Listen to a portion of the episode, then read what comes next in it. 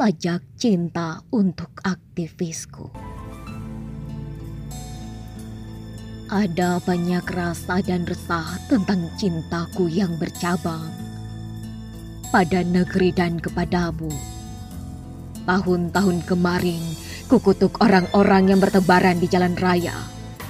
Bagai semut yang sesuka hati, melempar puisi-puisi indah dan tegas. Yang mengandung kritikan-kritikan pedas, melempar donat hitam. Memanggangnya hingga memblokade jalan. Lalu panggung drama sedang tayang di otakku. Apa yang mereka lakukan? Membuang-buang tenaga kah dengan alih menyuarakan hati rakyat secara lantang dan belak-belakan?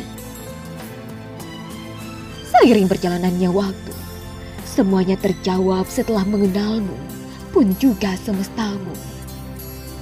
Aku tahu betapa lelahnya menjadi dirimu meskipun kau bukan tokoh revolusioner sejati namun kau tetap mendedikasikan tenaga dan intelektualmu bagi negeri. Meskipun kau bukan presiden, namun kau mampu mentaktisi hal demi rakyat. Ketidakinginanku setiap saat menemanimu bertoleransi di jalan itu sangat beralasan.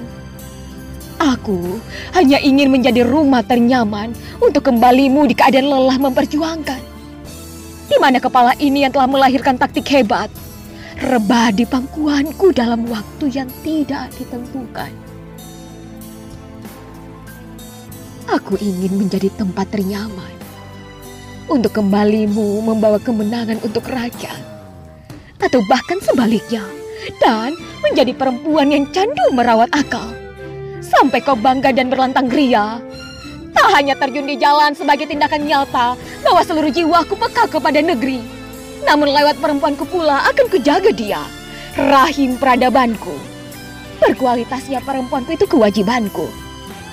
Karena menjadi jaminan mutlak lahirnya calon revolusi yang kudambakan. Maka selalu berprasangka baik kepadaku.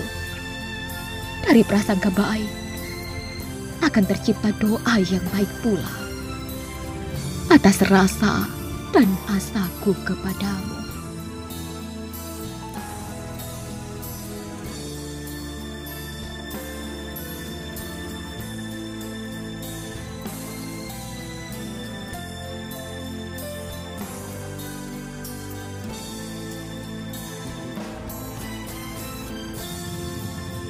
Buah tangan perempuan saja.